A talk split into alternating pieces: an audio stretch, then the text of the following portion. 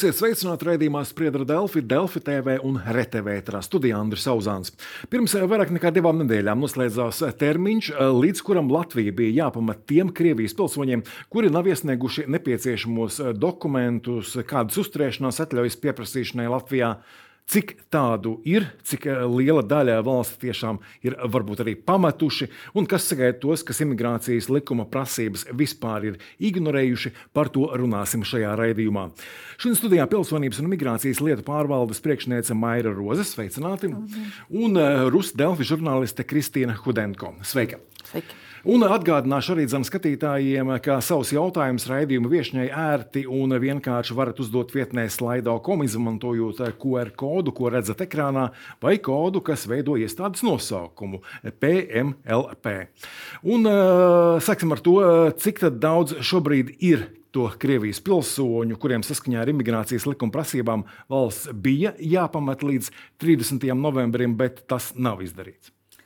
Uh, nu, pēc mūsu informācijas mēs apmēram izsūtījām 3,5 tūkstošu vēstules.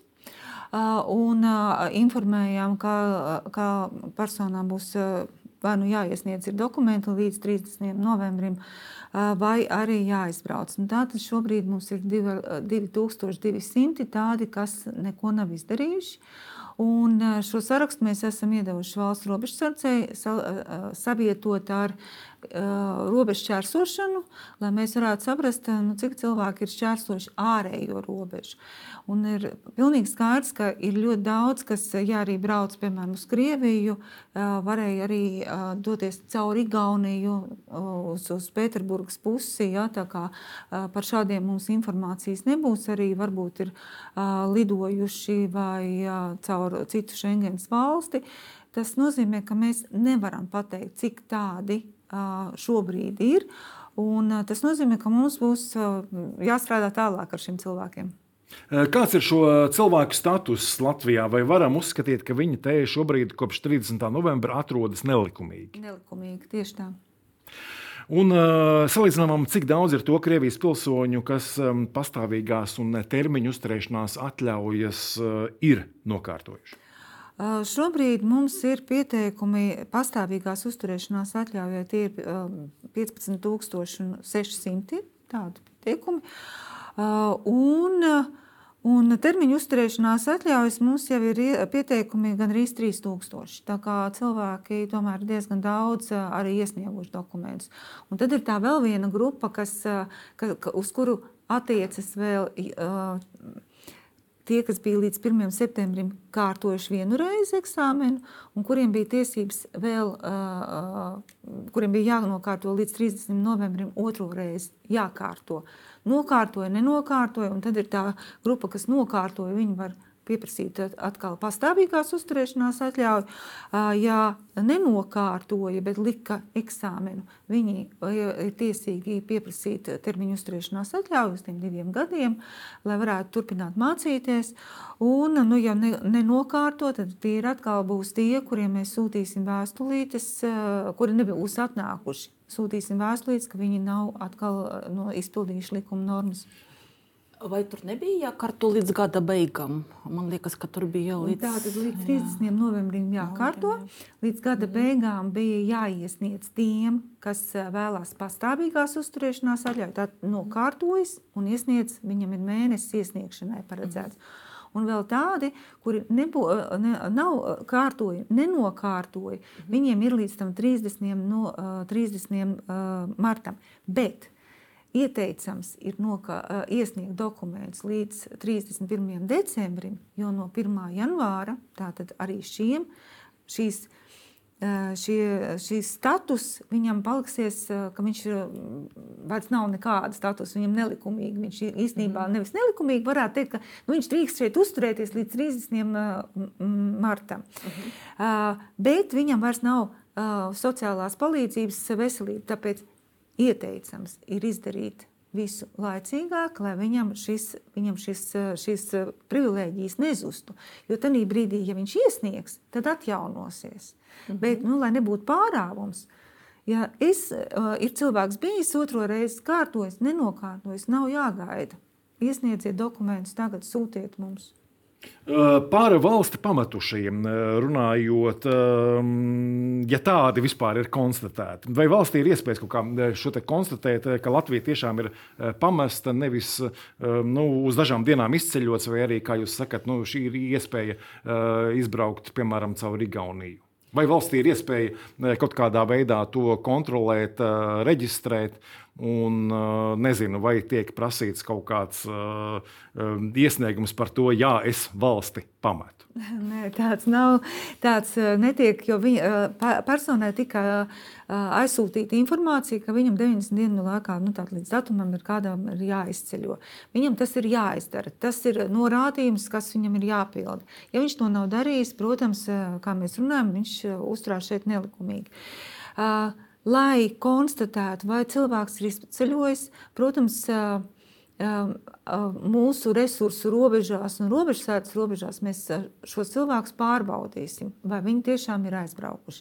Līdz ar to mēs sūtīsim vēstules uz pēdējo deklarēto dzīvesvietu, ar, ar, lai persona izteiktu savu viedokli, vai nu viņam ir vēl kaut kāda iemesla šeit uzturēties un saņemt uzturēšanās atļauju, viņš to nav izdarījis, kādi ir tie apstākļi, vai arī kāds kā, viņa viedoklis arī par izbraukšanas rīkojumu. Jo jebkurš administratīvais akts, kā izbraukšanas rīkojums, mums ir jāprasa viedoklis personai, un tas būs šis viedokļu noskaidrošana. Ja tā vēstule atnāks atpakaļ, jo šīs būs konkrēti personai, skatoties viņa dokumentus, nevis visiem pēc kārtas, tad mēs arī to vērtēsim. Un, ja persona nebūs izbraukusi, tad mēs izsniegsim izbraukšanas rīkojumu, kas ir uz jau 30 dienām. Ja ir apstākļi, kad ir nepieciešams vēl uzturēties, protams, izbraukšanas rīkojums ir pagarināms. Bet šeit mēs jau redzēsim, ja vēstulīte atnāks atpakaļ, tad mēs lūgsim valsts robežsardzē aiziet apskatīties, vai cilvēks eh, tur ir vai nav. Jo mēs jau ļoti labi zinām, ka ne, ne visi šīs vēstules izņem. Eh, un teorētiski ir iespējams samalot eh, un atbildēt jums, ka vai es esmu tomēr izbraucis, man šeit Latvijā sen vairs nav. Nē, nu, tad, ja viņam vēstulīte aiziet uz viņa dzīves vietu, kā tad viņš tur viņu būs saņēmis? Ja viņš būs izbraucis, jūsu jautājums par to, kas notiek, ja viņš izbrauc un grib iebraukt atpakaļ. Viņam, viņam vairs nav dokumentu, ar ko iebraukt atpakaļ. Tas nozīmē, ka, lai iebrauktu atpakaļ Latvijā, viņam ir nepieciešama vīza vispārējā kārtībā, kā jebkuram ārzemniekam, kas dzīvo ārpusē. Priekš kam jums viedoklis? Tas ir administratīvā procesa likumā prasība. Tā ir prasība, lai uh, izsniegtu izbraukšanas rīkojumu. Mums ir jā, jājautā personas viedoklis par šo situāciju. Jo mēs uzskatām, ka nu, viņš ir nelikumīgs, viņš, viņam ir tiesības arī argumentēt. Piemēram, viņš ir bijis Viņš bijis šobrīd slimnīcā no tāda un tāda datuma. Viņam ir dokumenti. Jā, mēs skatīsimies un vērtēsim, kā, kā, kāpēc viņš nav izpildījis.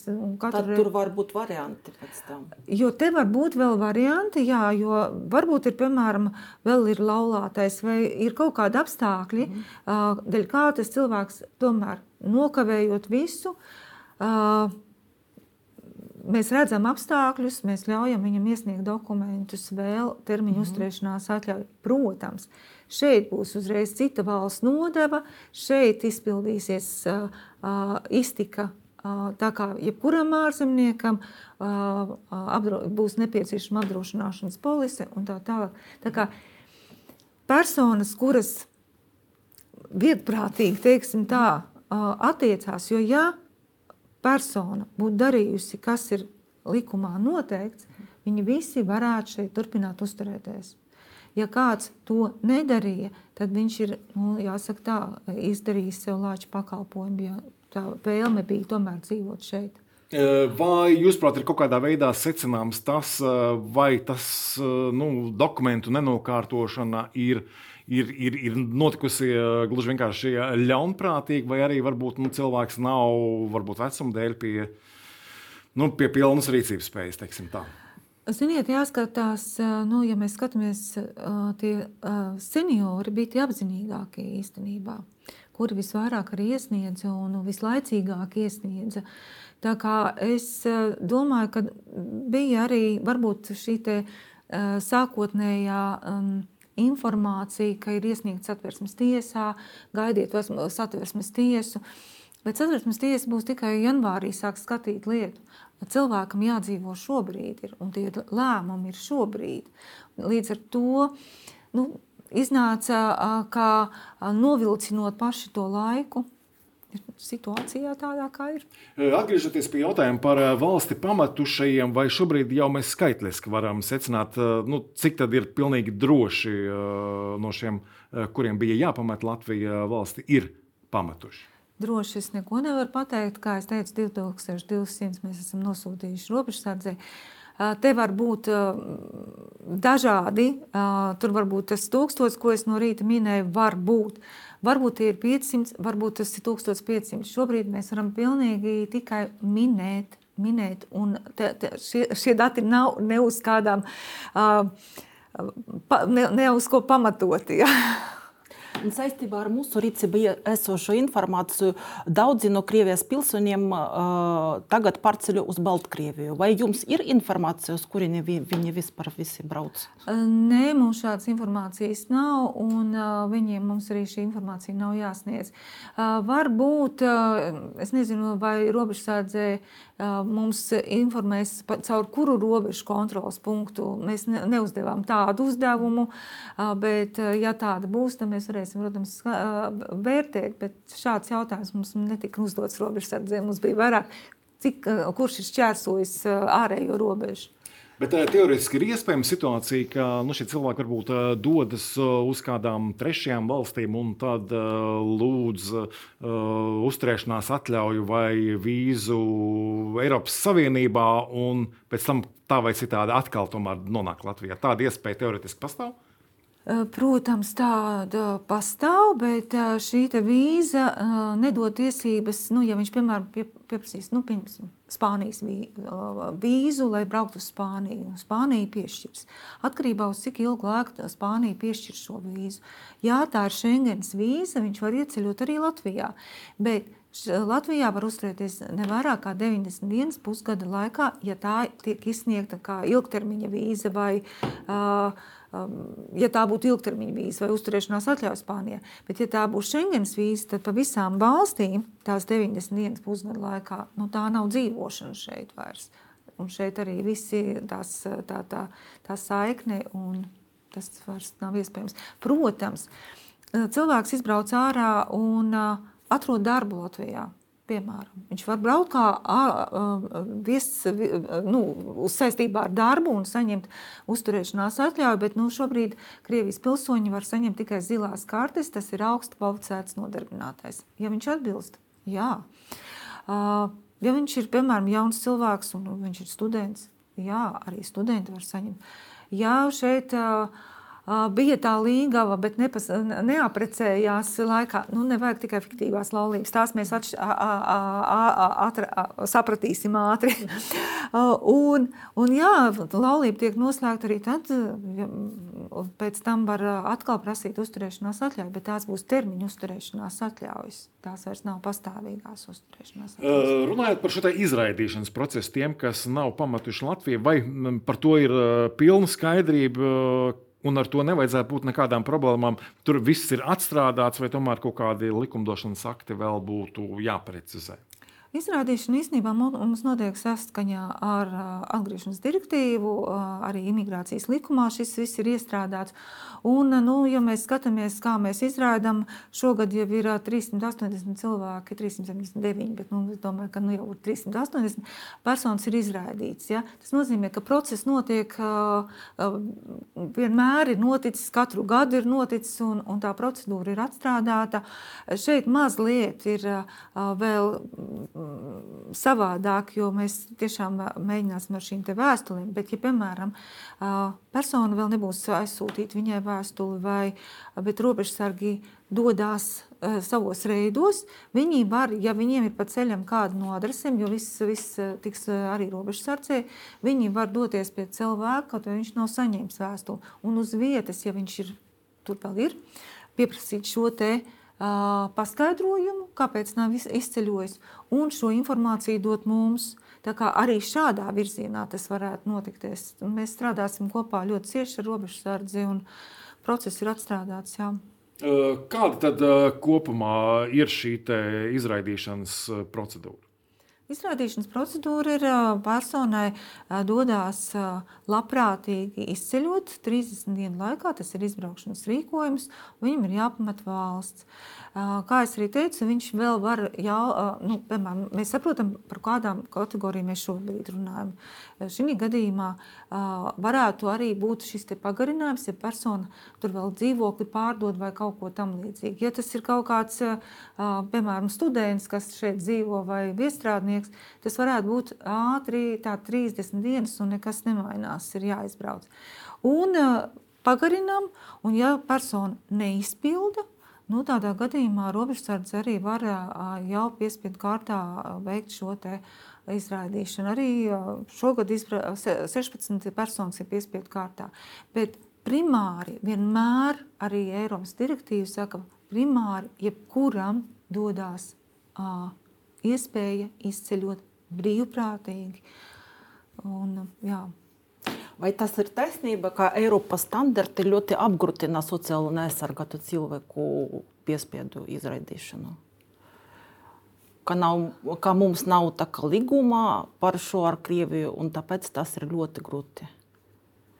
Um, Sāksim ģimene ar bērniem vai invalīdus. Nē, nu, redziet, Katrai valstī uh, ir par saviem pilsoņiem jāuz, jāuzņemās atbildība. Un, uh, nu, ja, piemēram, izrāda kā, no kādas valsts Latvijas pilsoņus, Latvija vienmēr uzņems Latvijas pilsoņus. Ja.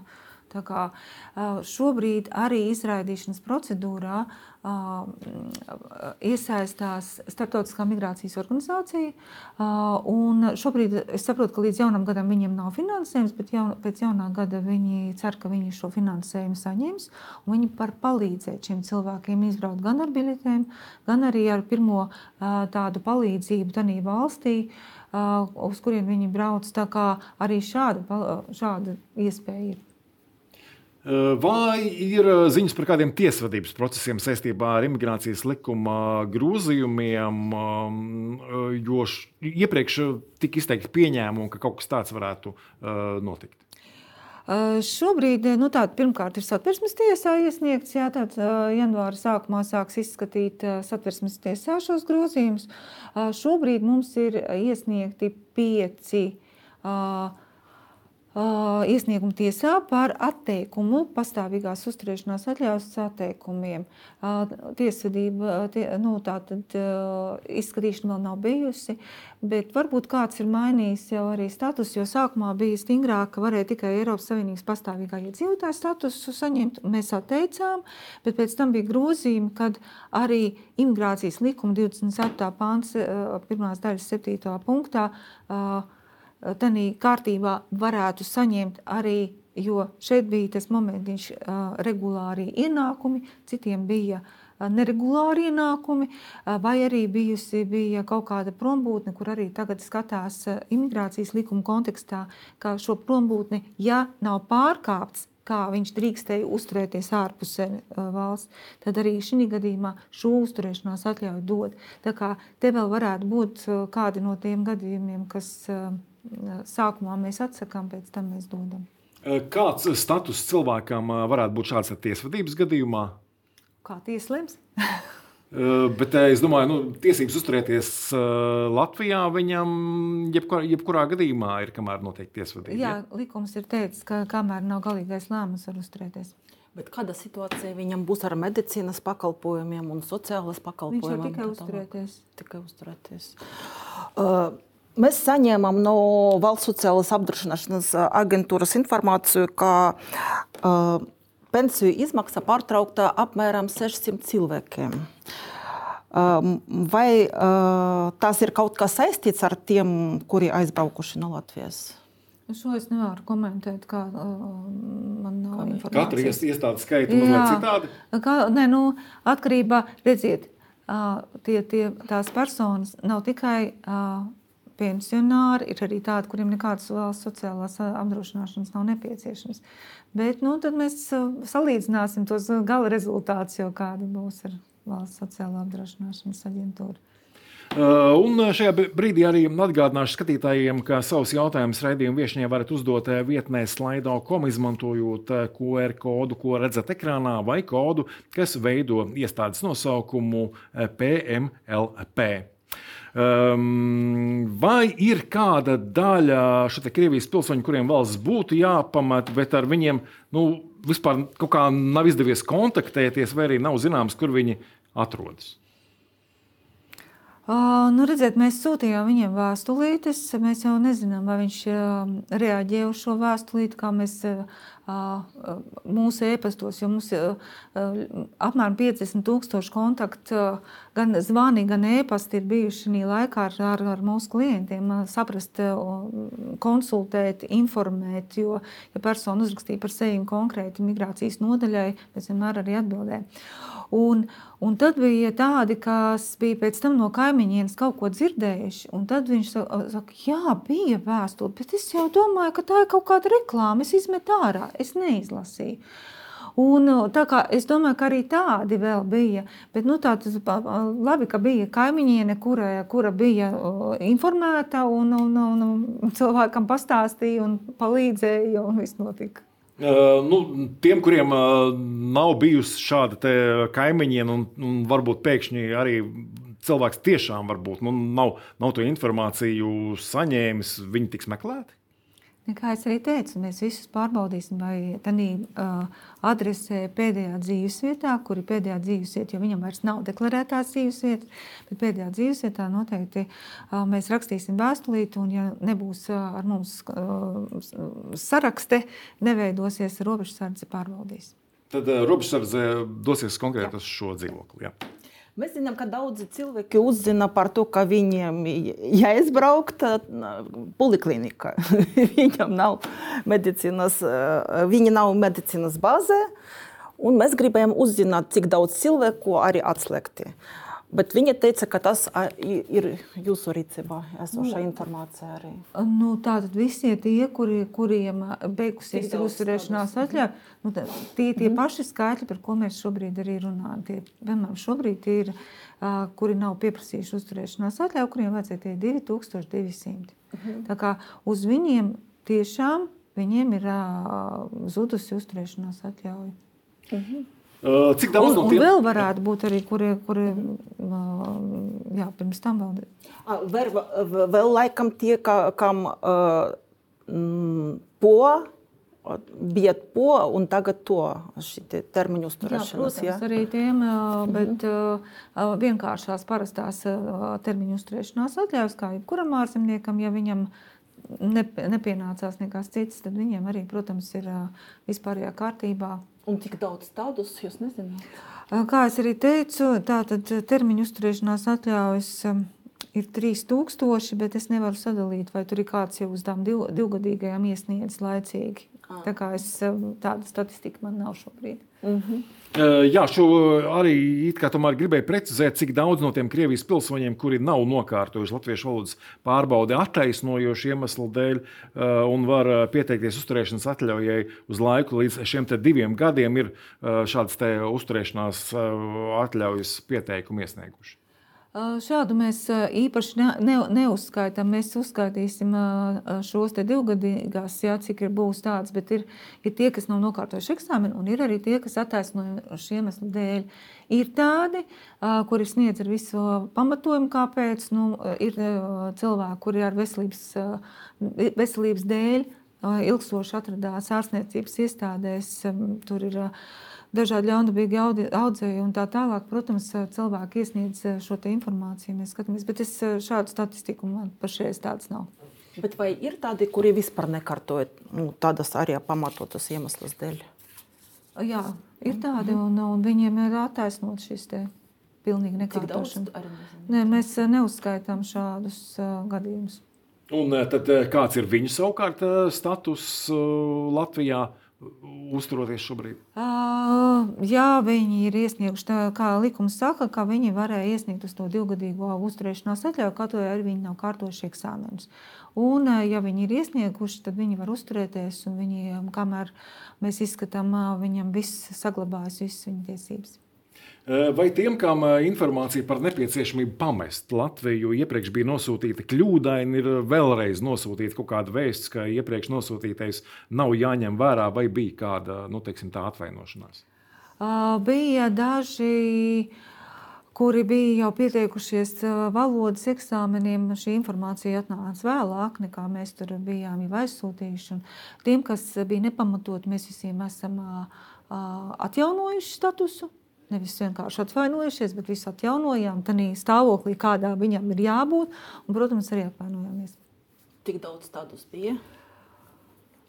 Tas bija pašā sākumā. Es, šī, šī vēsture jau man ir palikusies kā vēsture. Man liekas, ka man vairs, vairs, vairs to es neatceros. Mm -hmm. Bet nu, nebija ļoti daudz. Nebija ļoti daudz Simti bet... vai, vai desmit? Kāpēc vienmēr mēģiniet izspiest no maniem kaut kādus ciparus? jo, bija, jo bija dažādi cipari. Es vairs neatceros. Tieši god, es pasaku godīgi, es vairs neatceros. Tanī brīdī, kad tas notikās, es zināju tos ciparus. Šobrīd es vairs neatceros. Es ne, uh, toreiz par to kļūdu. Nu, kas toreiz bija pie vainas? Politiķis steidzināja tādas vēstules izsūtīt. Nē, nē, nē politiķi neko mums nesteidzināja. Nē, vienkārši uh, bija. Uh, uh, bija tas, tas tāds pārējais posms, bija, kāds bija iesniedzis dokumentus. Tie, tie bija daži, daži PMLP rīcībā, kas bija neievadīti. Vienkārši tās, tajā brīdī bija ļoti daudz, kas iesniedz dokumentus, kā, kāda, kāda no čupiņām vienkārši bija palikusies neievadīta. Tā ir mūsu monēta. Vai mazliet vēlāk, tad varbūt nosūtītās vēstules. Cilvēkam pēc iespējas ātrāk vajag zināt, tiem pārējiem, ja mēs skatāmies, ka tie ir kaut kādi daži desmit, piemēram, ja, un tie ir tūkstots, tri, tri, trīs ar pus tūkstoši, tad ir, tomēr ir, ir ļoti nopietni, pēc iespējas ātrāk tiem cilvēkiem jāpasaka, viss, tev ir jābrauc.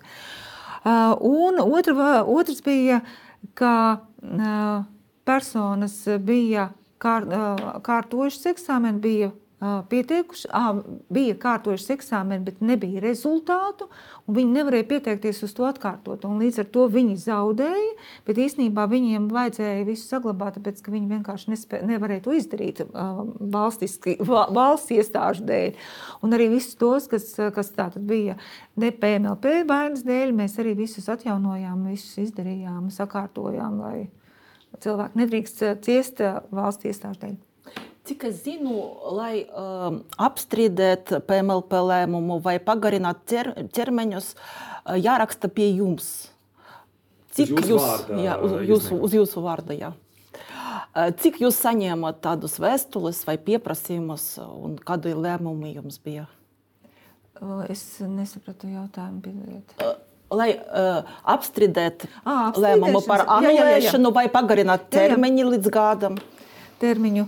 Uh, tās šobrīd jau vēl nav tik daudz, jo, jo apstrīdēšanas nav pārāk daudz, jo, ja mēs paskatāmies no statistikas, nu, piemēram, ir no tiem 15,599 pieteikumiem 10,945 ir jau pieņemti pozitīvi lēmumi, un tikai 194 ir negatīvi. Ja? Tā kā tas procents, cik ir negatīvi, ir maz. Uh mhm. -huh. Jā, protams, pārvaldes priekšnieks tikai un vienīgi var uh, lemt par apstrīdēto uh, šo lēmumu. Ja?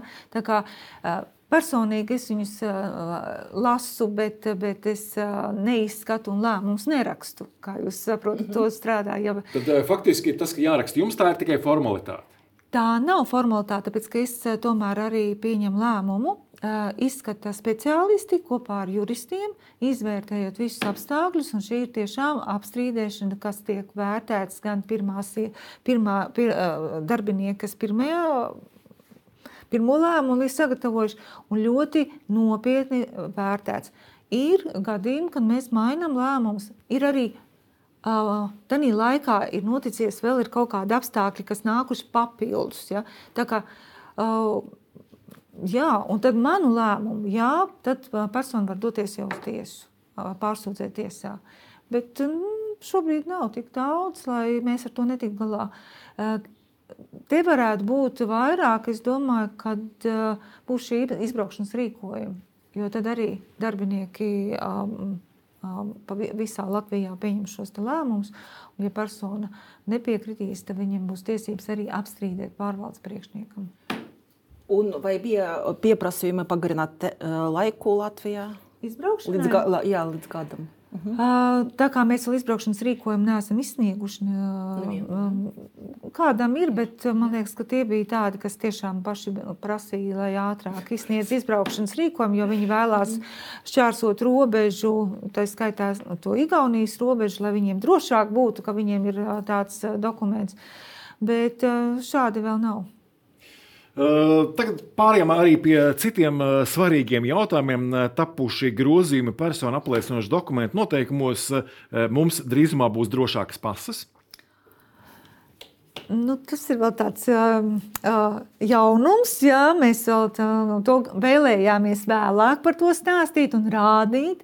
Bet jā, mēs nākošā gada sākuma posmā uh, plānojam izdot ja, uh, jaunas pases, un, un jā, viņas būs atkal drošākas, jo, kā mēs saprotam, ne tikai uh, mūsu pusē un, un, un tehnoloģijas uh, iet uz augšu, bet arī uh, tie, kas mēģina viltot dokumentus, viņi arī tehnoloģijas uh, attīstās un viņi iet līdzās. Līdz ar to ik pēc brītiņa ir atkal vajadzīgi jauni dokumenti ar atkal nākošā līmeņa drošības pazīmēm. Un, jā.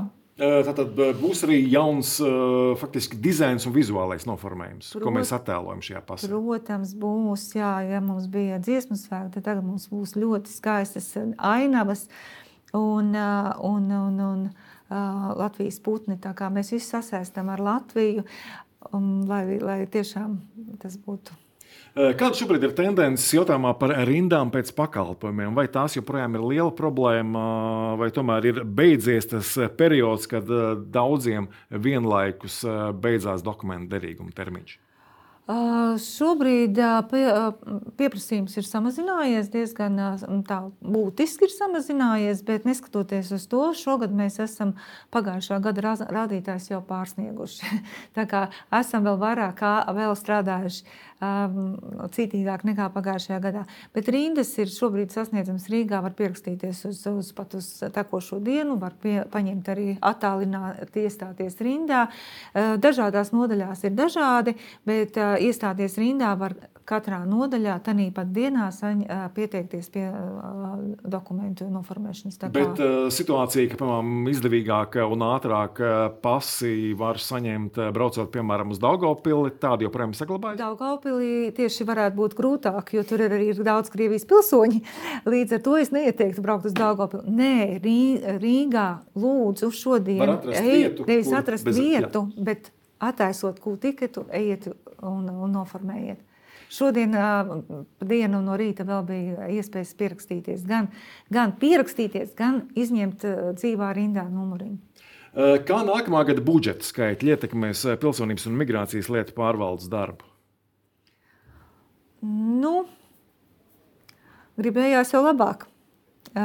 Papildus finansējums netika mums piešķirts līdz ar to, līdz ar to no iekšējiem resursiem, kas bija motivācijas piemaksas, mēs palielinājām atalgojumu tām kategorijām, kur bija obligāti jāpalielina līdz tam noteiktiem šobrīdējiem minimumam. Uh, Tā kā, mm, diemžēl, ar motivācijas piemaksām mums varētu būt uh, grūtības nākošā gadā, bet nu, mums saglabājas šīs trīs jomas - tātad personu apliecinošie dokumenti, Krievijas pilsoņi un Ukraiņas pilsoņi, civiliedzīvotāji. Tā kā šīs jomās mums visnotaļ uh, joprojām strādāsim intensīvi, bet nu, mēģināsim pārdalīt darbus uh, visā Latvijā un uh, organizēsim darbus. Vai šis eh, zemais atalgojums, kas uh, tomēr nu, ne, nepanāk uh, vidējo situāciju valstī, vai tas tomēr nav kaut kāds pamats, uh, augsne, teiksim, tā korupcija? Nē, nu, protams, ka tas ir pamats, un, un tas ir arī kas ir norādīts arī mūsu kolēģu pētījumā, tātad ministrijas, ka šis, šis zemais, zem, zemais atalgojums tādās jomās kā mums arī var būt kāds. Bet nu, mēs ļoti citīgi arī strādājam ar mūsu kolēģiem, un, un šobrīd mums nav bijis tāda gadījuma, kas ar, ar, būtu ar korupciju saistīti. Jā, Terija saka paldies raidījuma viešņai, un paldies saku arī Kristienai par papildu jautājumiem. Nākamais Friedra Delfi raidījums ēterā rīt. Tajā runāsim, kā varam un spējam svētku laikā un arī dzen ikdienā mazināt mūsu radīto atkritumu daudzumu. Šodien paldies, ka skatījāties uz tikšanos!